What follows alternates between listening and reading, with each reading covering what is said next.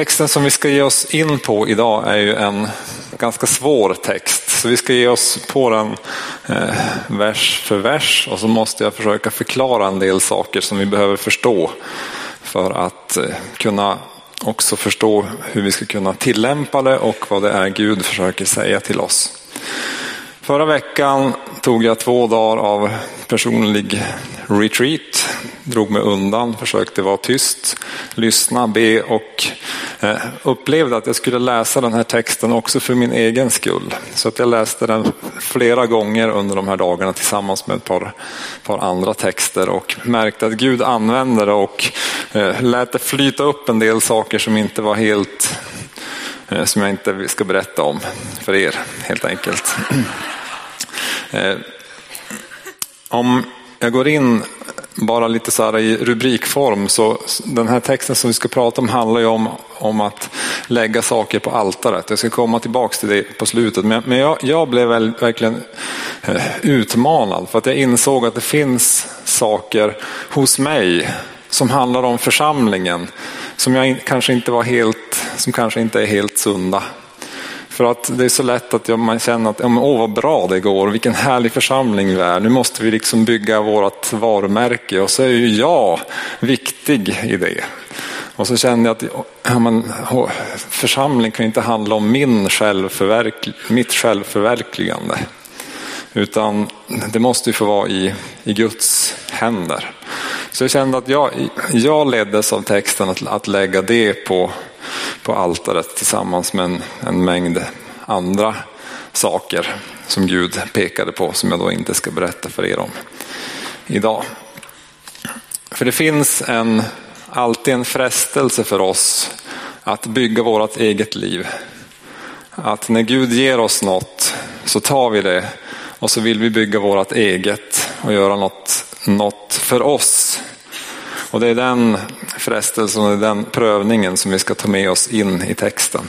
För vi lever alltid i ett spänningsfält mellan det som är Guds väg, Guds välsignelse, Guds tanke, Guds plan och sen min egen väg, min egen plan. Att ta Guds välsignelse och använda det för mig och för mina egna syften. Och det blir min ingång då i texten i första Mosebok 22, vers 1 till 18. Och vi ska som sagt inte läsa hela texten eh, på en gång utan vi tar det vers för vers och så tar vi oss igenom alla verserna. Och ni ska också få upp dem på, på väggen här. Har ni egen bibel så läs gärna i, i den så att ni ser att det finns i bibeltexten. Herre, vi ber nu när vi ska ge oss in i den här texten att du ska tala till oss genom ditt ord. Hjälp oss att se det vi behöver se peka på det som är i våra liv och i våra hjärtan som vi också behöver se. Vi ber om det i Jesu namn. Amen. Vi läser från första Mosebok 22 och vers 1. En tid därefter satte Gud Abraham på prov. Han sa till honom Abraham. Han svarade ja, här är jag. Om man ska förstå den här texten och den här predikan så är det här en väldigt viktig inledning som eh, Mose som har skrivit det här gör. Att det är en prövning. Eh, Gud sätter Abraham på prov. Och vad är då att sätta någon på prov? Att pröva någon. Och för att ni ska förstå den här predikan också så prövning och frestelse i bibeltexterna. Det är samma ord på grekiska och hebreiska. Så i vissa översättningar står det prövning och så kan det stå frestelse men det är samma ord i grunden. Jag ska försöka förklara det här. För vi har ju några barn. När de är i en viss ålder så vill man ju liksom börja pröva deras förmåga. Exempelvis att gå till eh, ICA och handla och eh, Caroline hon är här, när hon var i sjuårsåldern så, så fick hon ett uppdrag, hon fick 50 lapp, det var papperspengar på den tiden. Så gå till ICA, så antar jag att det var mjölk och en limpa och kanske någon sak till. Dit och så komma hem med rätt saker och växel och kvitto. Vid det här första tillfället så, så var hon så fokuserad på kvitto och växel så att hon glömde varorna på ICA. Men men, men, det är kanske lite en sån här äh, en parentes. Men en prövning och det gick ju ganska bra. Så här. Eh. grejen med, med, en sån prövning är att den innebär också frestelser. Nu blev hon inte frestad att använda pengarna till något annat. Men om man skickar ett barn med en 50-lapp till ICA så finns det jättemånga andra saker att köpa än eh, mjölk, eh, godis till exempel. Så, och det är det som är frestelsen. Det innebär inte att jag som förälder frestar henne. Utan jag ger henne ett, ett prov som jag tror att hon kommer att lyckas med. Men det finns frestelser som innebär att man kan misslyckas. Så den, och den här dubbla betydelsen finns alltid med när Bibeln pratar om prövningar. Så man kan lyckas och då är det något positivt. Man kan misslyckas på grund av andra saker och då är det något negativt. Abraham visste ju inte att det här var en prövning. Det vet vi och det är viktigt för oss när vi läser texten att förstå det. Mose eh, hade också förstått det, det är därför han skriver det i inledningen. Vi fortsätter med vers 2. Då sa han, alltså Herren, ta din son Isak, din enda son, som du älskar och gå till Moria land och offra honom där som brännoffer på ett berg som jag ska visa dig. Här kan vi få problem med texten. Att offra sitt barn som brännoffer på, på, på ett berg någonstans. Att döda sitt barn. Är det något som, som Gud vill så vill jag, jag inte tro på Gud. Den reaktionen har jag fått. Alltså är, är det här Guds hjärta? Är Gud i Bibeln på det sättet att han uppmanar människor att döda sina barn? Och så är det inte. Utan den här, texten är en, en prövning.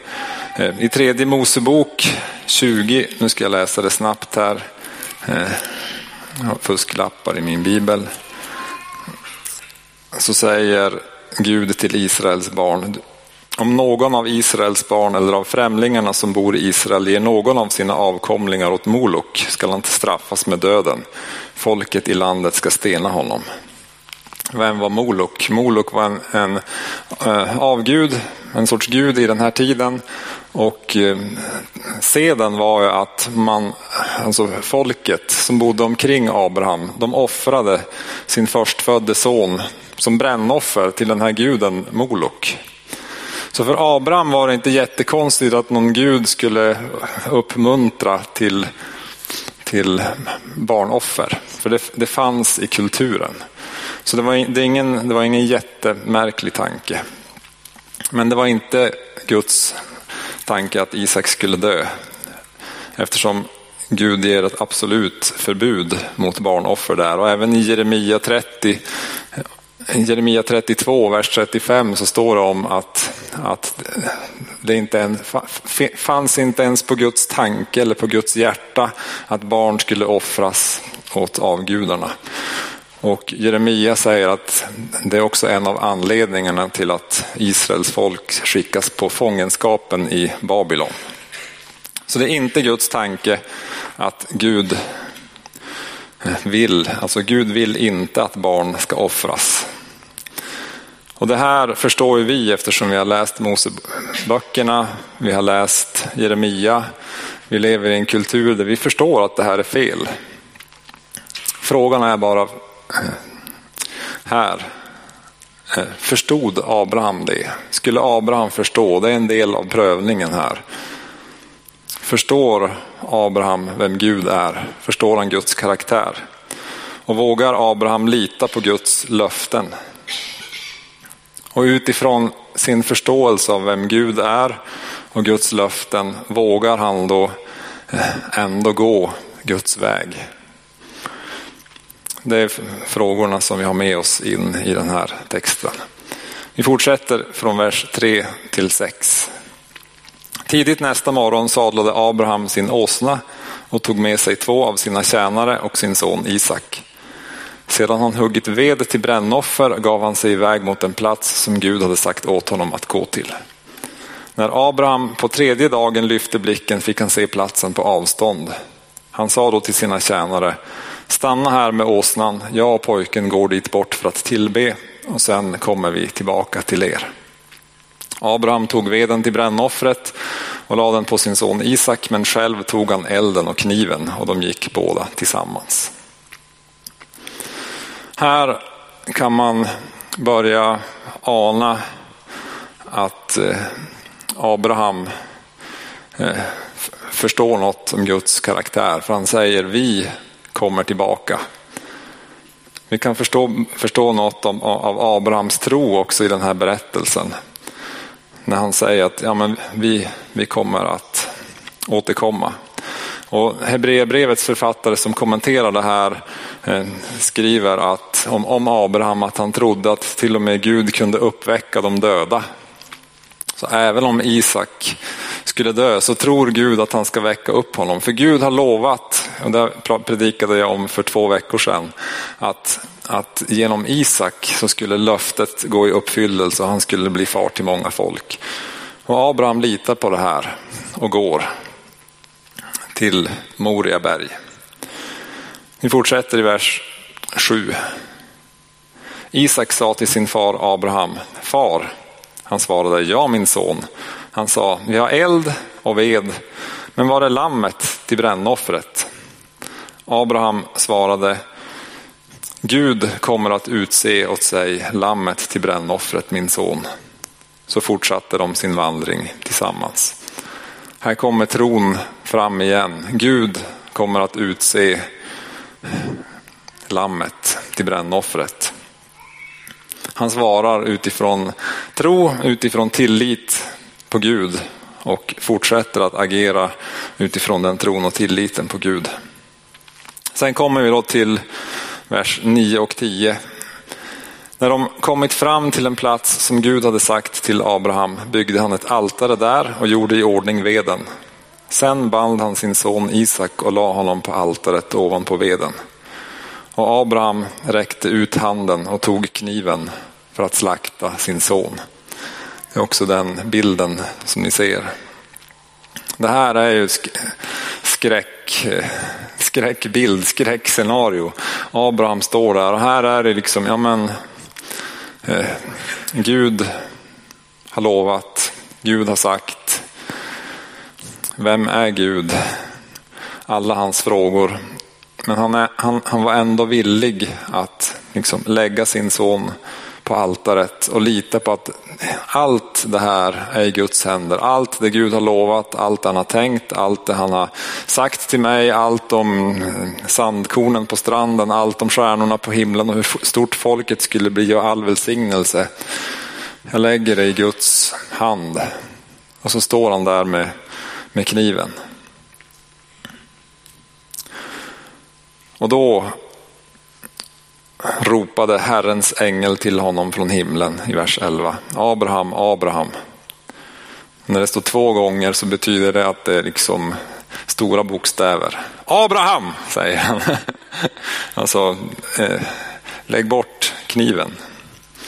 Han svarade, här är jag. Då sa han, lyft inte din hand mot pojken och gör honom ingenting. Nu vet jag att du fruktar Gud, då du inte ens har undanhållit mig, din enda son. Nu vet jag att du fruktar Gud. Nu vet jag att du tror på mig. När du till och med var beredd att, att offra din son. Det var ju aldrig Guds tanke att han skulle göra det, men han ville pröva av Abrahams hjärta hur mycket han litade på Gud.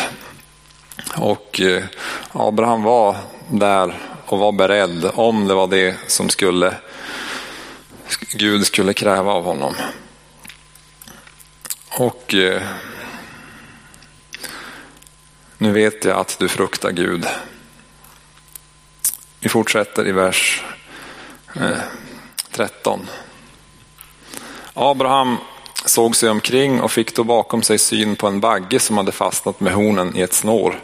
Abraham gick dit och tog baggen och offrade den till brännoffer istället för sin son. Och Abraham kallade platsen Herren förser. Idag säger man berget där Herren förser man tittar noga i texterna så, så står det faktiskt till och med att eh, platsen heter Alltså platsen där Herren ska förse, eller kommer att förse. Det är liksom en, en framtidsform i texten. Platsen där Herren ska förse. Det här är intressant för eh, var är det här? Jo, det är Moria land, Moria berg. Eh, om man lusläser Samuelsböckerna så kan man se och förstå att det är precis på den platsen som, som Salomo bygger templet. Alltså det är tempelplatsen i Jerusalem där det här sker, där Abraham är. Så, så eh, Abraham profeterar, säger att på den här platsen ska Herren förse. Och vad är det Herren ska förse med? Jo, det är ju, det är ju lammet. Här hittar han en, en bagge, men, men det Herren ska förse med är, är ju eh, Guds lamm som tar bort världens, världens synd. När Johannes döparen möter Jesus för första gången så säger han och pekar på honom, se Guds lamm som tar bort världens synd. Eh, Jesus kallas för lammet i uppenbarelseboken på flera ställen. Abraham profeterar alltså om att på den här platsen så ska Gud förse med ett, med ett offerlamm som tar bort världens synd. Någon som offras istället för oss. Lammet offrades istället för, för Isak. Baggen offrades istället för Isak. Lammet, Jesus, ska offras istället för oss på det här berget. Vi läser också avslutningen. Jag svär vid mig själv, säger Herren, Eftersom du har gjort detta och inte undanhållit mig din enda son ska jag rikligen välsigna dig och göra dina efterkommande talrika som stjärnorna på himlen och som sanden på havets strand. Och din avkomma ska inta sina fienders portar. I din avkomma ska alla jordens folk bli välsignade därför att du lyssnade till min röst. Amen. Här kommer löftet tillbaks igen. För att du inte undanhöll mig din son så ska jag välsigna dig. Och allt det jag lovat eh, ska få hända. Och så kommer vers 18 och där profeterar också ängeln. I din avkomma ska alla jordens folk bli välsignade därför att du lyssnade till min röst. Paulus skriver om det här i Galaterbrevet i tredje kapitlet och skriver så här. Nu gavs löftena åt Abraham och hans avkomma. Det heter inte och åt dina avkomlingar som när man talar om många utan som när det talas om en enda och åt din avkomling som är Kristus. Så Paulus ser det här också som en profetia på Kristus, på Jesus som ska komma och i honom så ska alla bli välsignade. I din avkomma ska alla jordens folk bli välsignade därför att du lyssnade till min röst. Nu har vi benat oss igenom den här texten. Och då kan man ju, behöver man ju fråga sig, vad kan vi lära oss av det här? Är det något vi kan tillämpa av det här? Ska vi gå och hugga ved och börja bygga eh, altaren? Eller vad är, det vi ska, vad är det vi ska göra? Självklart är det inte det vi ska göra, utan jag tror att vi kan lära oss Mm. några saker och tillämpa några saker i våra liv med den här texten som utgångspunkt. Det första handlar om, om att tro, eller trons lydnad i prövningens stund. Så när vi prövas. Jag pratade lite om prövning eh, en del tycker att hela livet är en prövning och ibland så kommer man in i situationer när man prövas på olika sätt. Och ibland så prövar, prövar Gud oss och ibland så prövas vi av omständigheterna. Men, men, när vi prövas, vad händer då i, i våra hjärtan? Och prövning är ju ofta en prövning av också våran tro.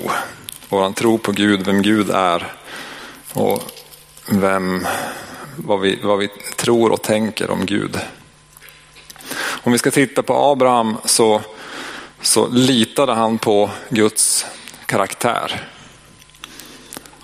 Han, han, visste inte om lagen och han visste inte vad Jeremia skulle skriva om barnoffer. Men han litade på att Gud kan ta hand om det här. Om Gud har lovat så är han trofast och då kommer han att se till att på något sätt löftet går i uppfyllelse. Oavsett vad som händer. Så att, att våga lita på Guds karaktär och sen litar Abraham också på Guds löften. Både de, eh, alltså, eller de direkta löften som Gud gav till honom. Och vi har löften från Gud både i Bibeln men också i löften som Gud kan ha gett direkt till oss. Alltså kallelse eller ord av uppmuntran som, som vi har fått som vi kan ta med oss, som vi kan stå på. Jag ska läsa en text i första Korinthierbrevet 10 och 13, det är den ni har på väggen där. Det står så här. Ingen annan frestelse eller prövning har drabbat er än vad människor får möta. Gud är trofast. Han ska inte tillåta att ni frestas eller prövas över er förmåga. Utan när frestelsen eller prövningen kommer ska han också bereda en utväg så att ni kan härda ut. Paulus pekar på två saker, pekar precis på de här två sakerna. Gud är trofast, alltså Guds karaktär. Så i prövningens stund så behöver vi hålla fast vid vem Gud är. Och vi, vi ska inte tolka eh, prövningen och omständigheterna som, och, och liksom säga att det är så Gud är, utan vi behöver veta vem Gud är utifrån skriftens ord utifrån våra erfarenheter av Guds godhet och ta med oss det in i prövningen. Och sen talar Paulus, ger han ett, ett löfte här också. Han ska inte tillåta att ni frestas över er förmåga. Utan när frestelsen kommer ska han också bereda en utväg så att ni kan härda ut. Alltså att Gud ska bereda en utväg. Det är ett, det är ett löfte i sig. Det finns väldigt många löften i Bibeln som vi kan, som vi kan ta med oss. Eh, några av mina favoriter. Jag är med er alla dagar in till tidens slut. Det är ett bra löfte. Gud lovar alltid vara med oss. Det annat är min Gud ska med sin härliga rikedom i Kristus Jesus fylla alla era behov. Står det i Filipperbrevet. Alla behov ska Gud fylla. Det är ett löfte. Så när jag prövas så, så kan jag kom, komma till de sakerna att Gud är alltid med mig. Han, han ska alltid fylla mina behov. Alltså så kommer han att ta hand om mig. Alltså så kan jag tro på honom, alltså kan jag lita på honom även när jag prövas eller frestas. Om vi går på nästa punkt av tillämpning så handlar det om att ta emot det Abraham profeterade om. Om Guds lamm som tar bort världens synd. I Romarbrevet 8 så skriver Paulus så här i vers 32. Han som inte skonade sin egen son utan utlämnade honom för oss alla. Hur skulle han kunna annat än också skänka oss allt med honom? Här ska ni inte tänka Isak utan ni ska tänka baggen. För att, för att förstå kopplingen mellan de här två verserna. Jesus blev offrad istället för oss. Det här är en, en Jesus offrades för att ta din och min synd istället så att, så att vi får leva, så att vi får, får uppleva Guds välsignelse, så att vi får ta del av det Gud har tänkt och planerat i våra liv. Så Jesus blir baggen, Jesus blir lammet som tar bort din och min synd. Och då säger Paulus, hur skulle han kunna annat än också skänka oss allt med honom? Precis som Abraham får hela välsignelsen och får vara till alltså löftet om, om världens välsignelse. Så i Jesus, genom att Jesus offras för oss, så får vi också allt med honom. Vi får allt det Gud har tänkt, allt det Gud vill, allt det Gud har planerat, allt det Gud har lovat till sitt folk får vi med Jesus. Vi får till och med hela evigheten med, med Jesus. Allt i det paketet. Vi fortsätter här i vers 34, den finns inte på väggen, men det står eh, vem är den som fördömer? Kristus Jesus är den som har dött, ja än mer den som har blivit uppväckt och som sitter på Guds högra sida och ber för, för oss. Vem kan skilja oss från Kristi kärlek? Nöd eller ångest, förföljelse eller hunger, nakenhet, fara eller svärd? Det står ju skrivet. För, för din skull dödas vi hela dagen, vi räknas som slaktfår. Men i allt detta vinner vi en överväldigande seger genom honom som har älskat oss.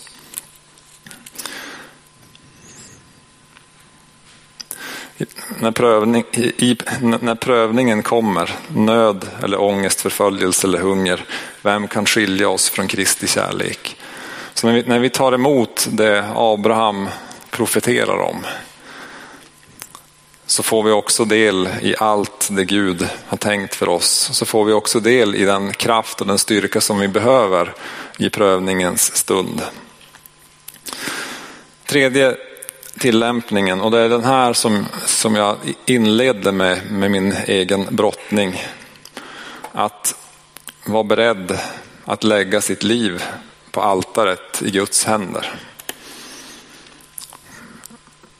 Man kan liksom tänka sig ett offeraltare så här, men det handlar om att lägga sitt liv i Guds händer, i Guds hand. Att våga lita på, på Gud med allt och, och se att det Gud har gett oss, det, det, det, har vi fått som en nåd, som en gåva. Självklart för att leva med, för att använda, men inte för att hålla hårt i. Utan för att kunna hålla i med öppen hand och, och, och låta Gud få vara den som kontrollerar både gåvan och, och resultatet. Jag skulle liksom eh, kunna eh, väldigt lätt, märkte jag, alltså hålla hårt i kallelsen och säga att det är min kallelse. Och Korskyrkan är min församling. Och eh, att det går bra i församlingen och att alla mår bra i församlingen är mitt uppdrag. Ni förstår, betoningen är ju, alltså, på ett vis är det sant. Men med den betoningen så blir det ändå fel.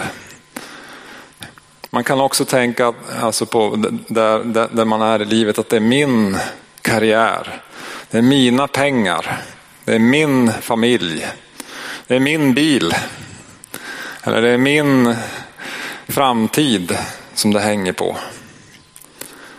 Men kan vi hålla, kan vi hålla det med, med öppen hand eller med väldigt lösa nypor så, så har Gud också större möjligheter att eh, göra eh, sin del.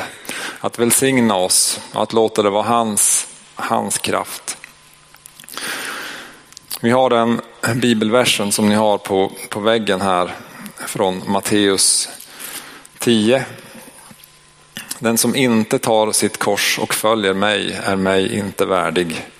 Den som finner sitt liv ska mista det och den som mister sitt liv för min skull ska finna det.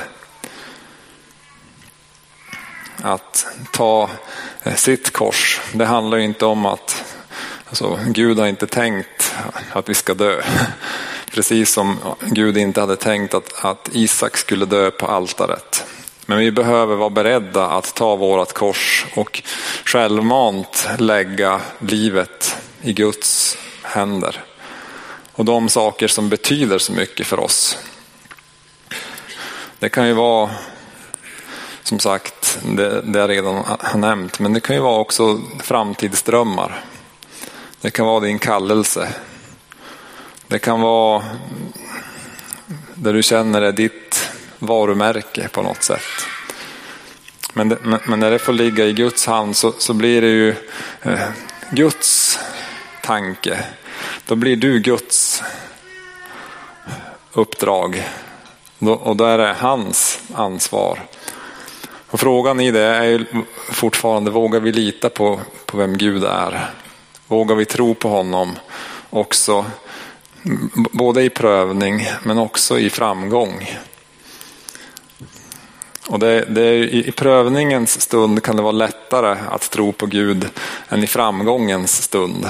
För när det går bra så är det så lätt att ta, ta åt sig äran själv och, tycka att åh, nu har jag gjort något så fantastiskt bra här. Istället för att tacka Gud för vad han har gjort och för att han är god och för att han är trofast.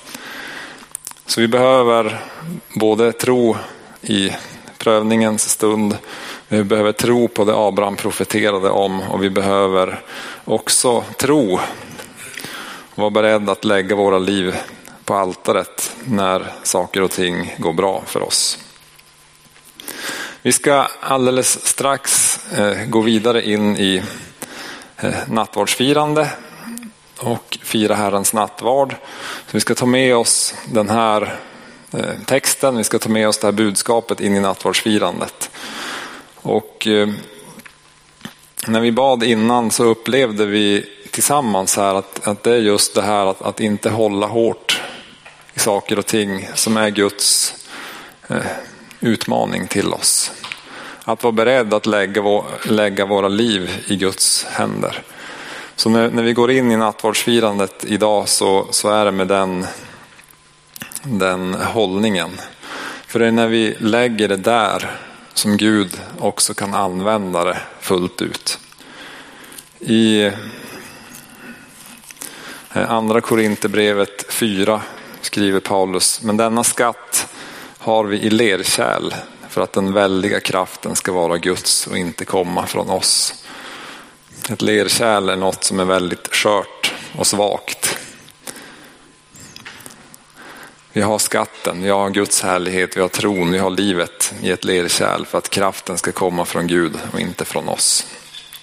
Amen. Herre, vi ber att du idag ska tala till oss. Be när vi går in i nattvardsfirandet att du ska låta din helige ande eh, lyfta fram de områden som vi behöver lägga på altaret, som vi behöver lämna till dig. Vi ber att du inte ska pröva oss över våran förmåga. Vi vill i allt lita på dig och på dina löften. Och vi ber att, att vi ska ha mod att inte hålla något tillbaka från dig. I Jesu namn. Amen.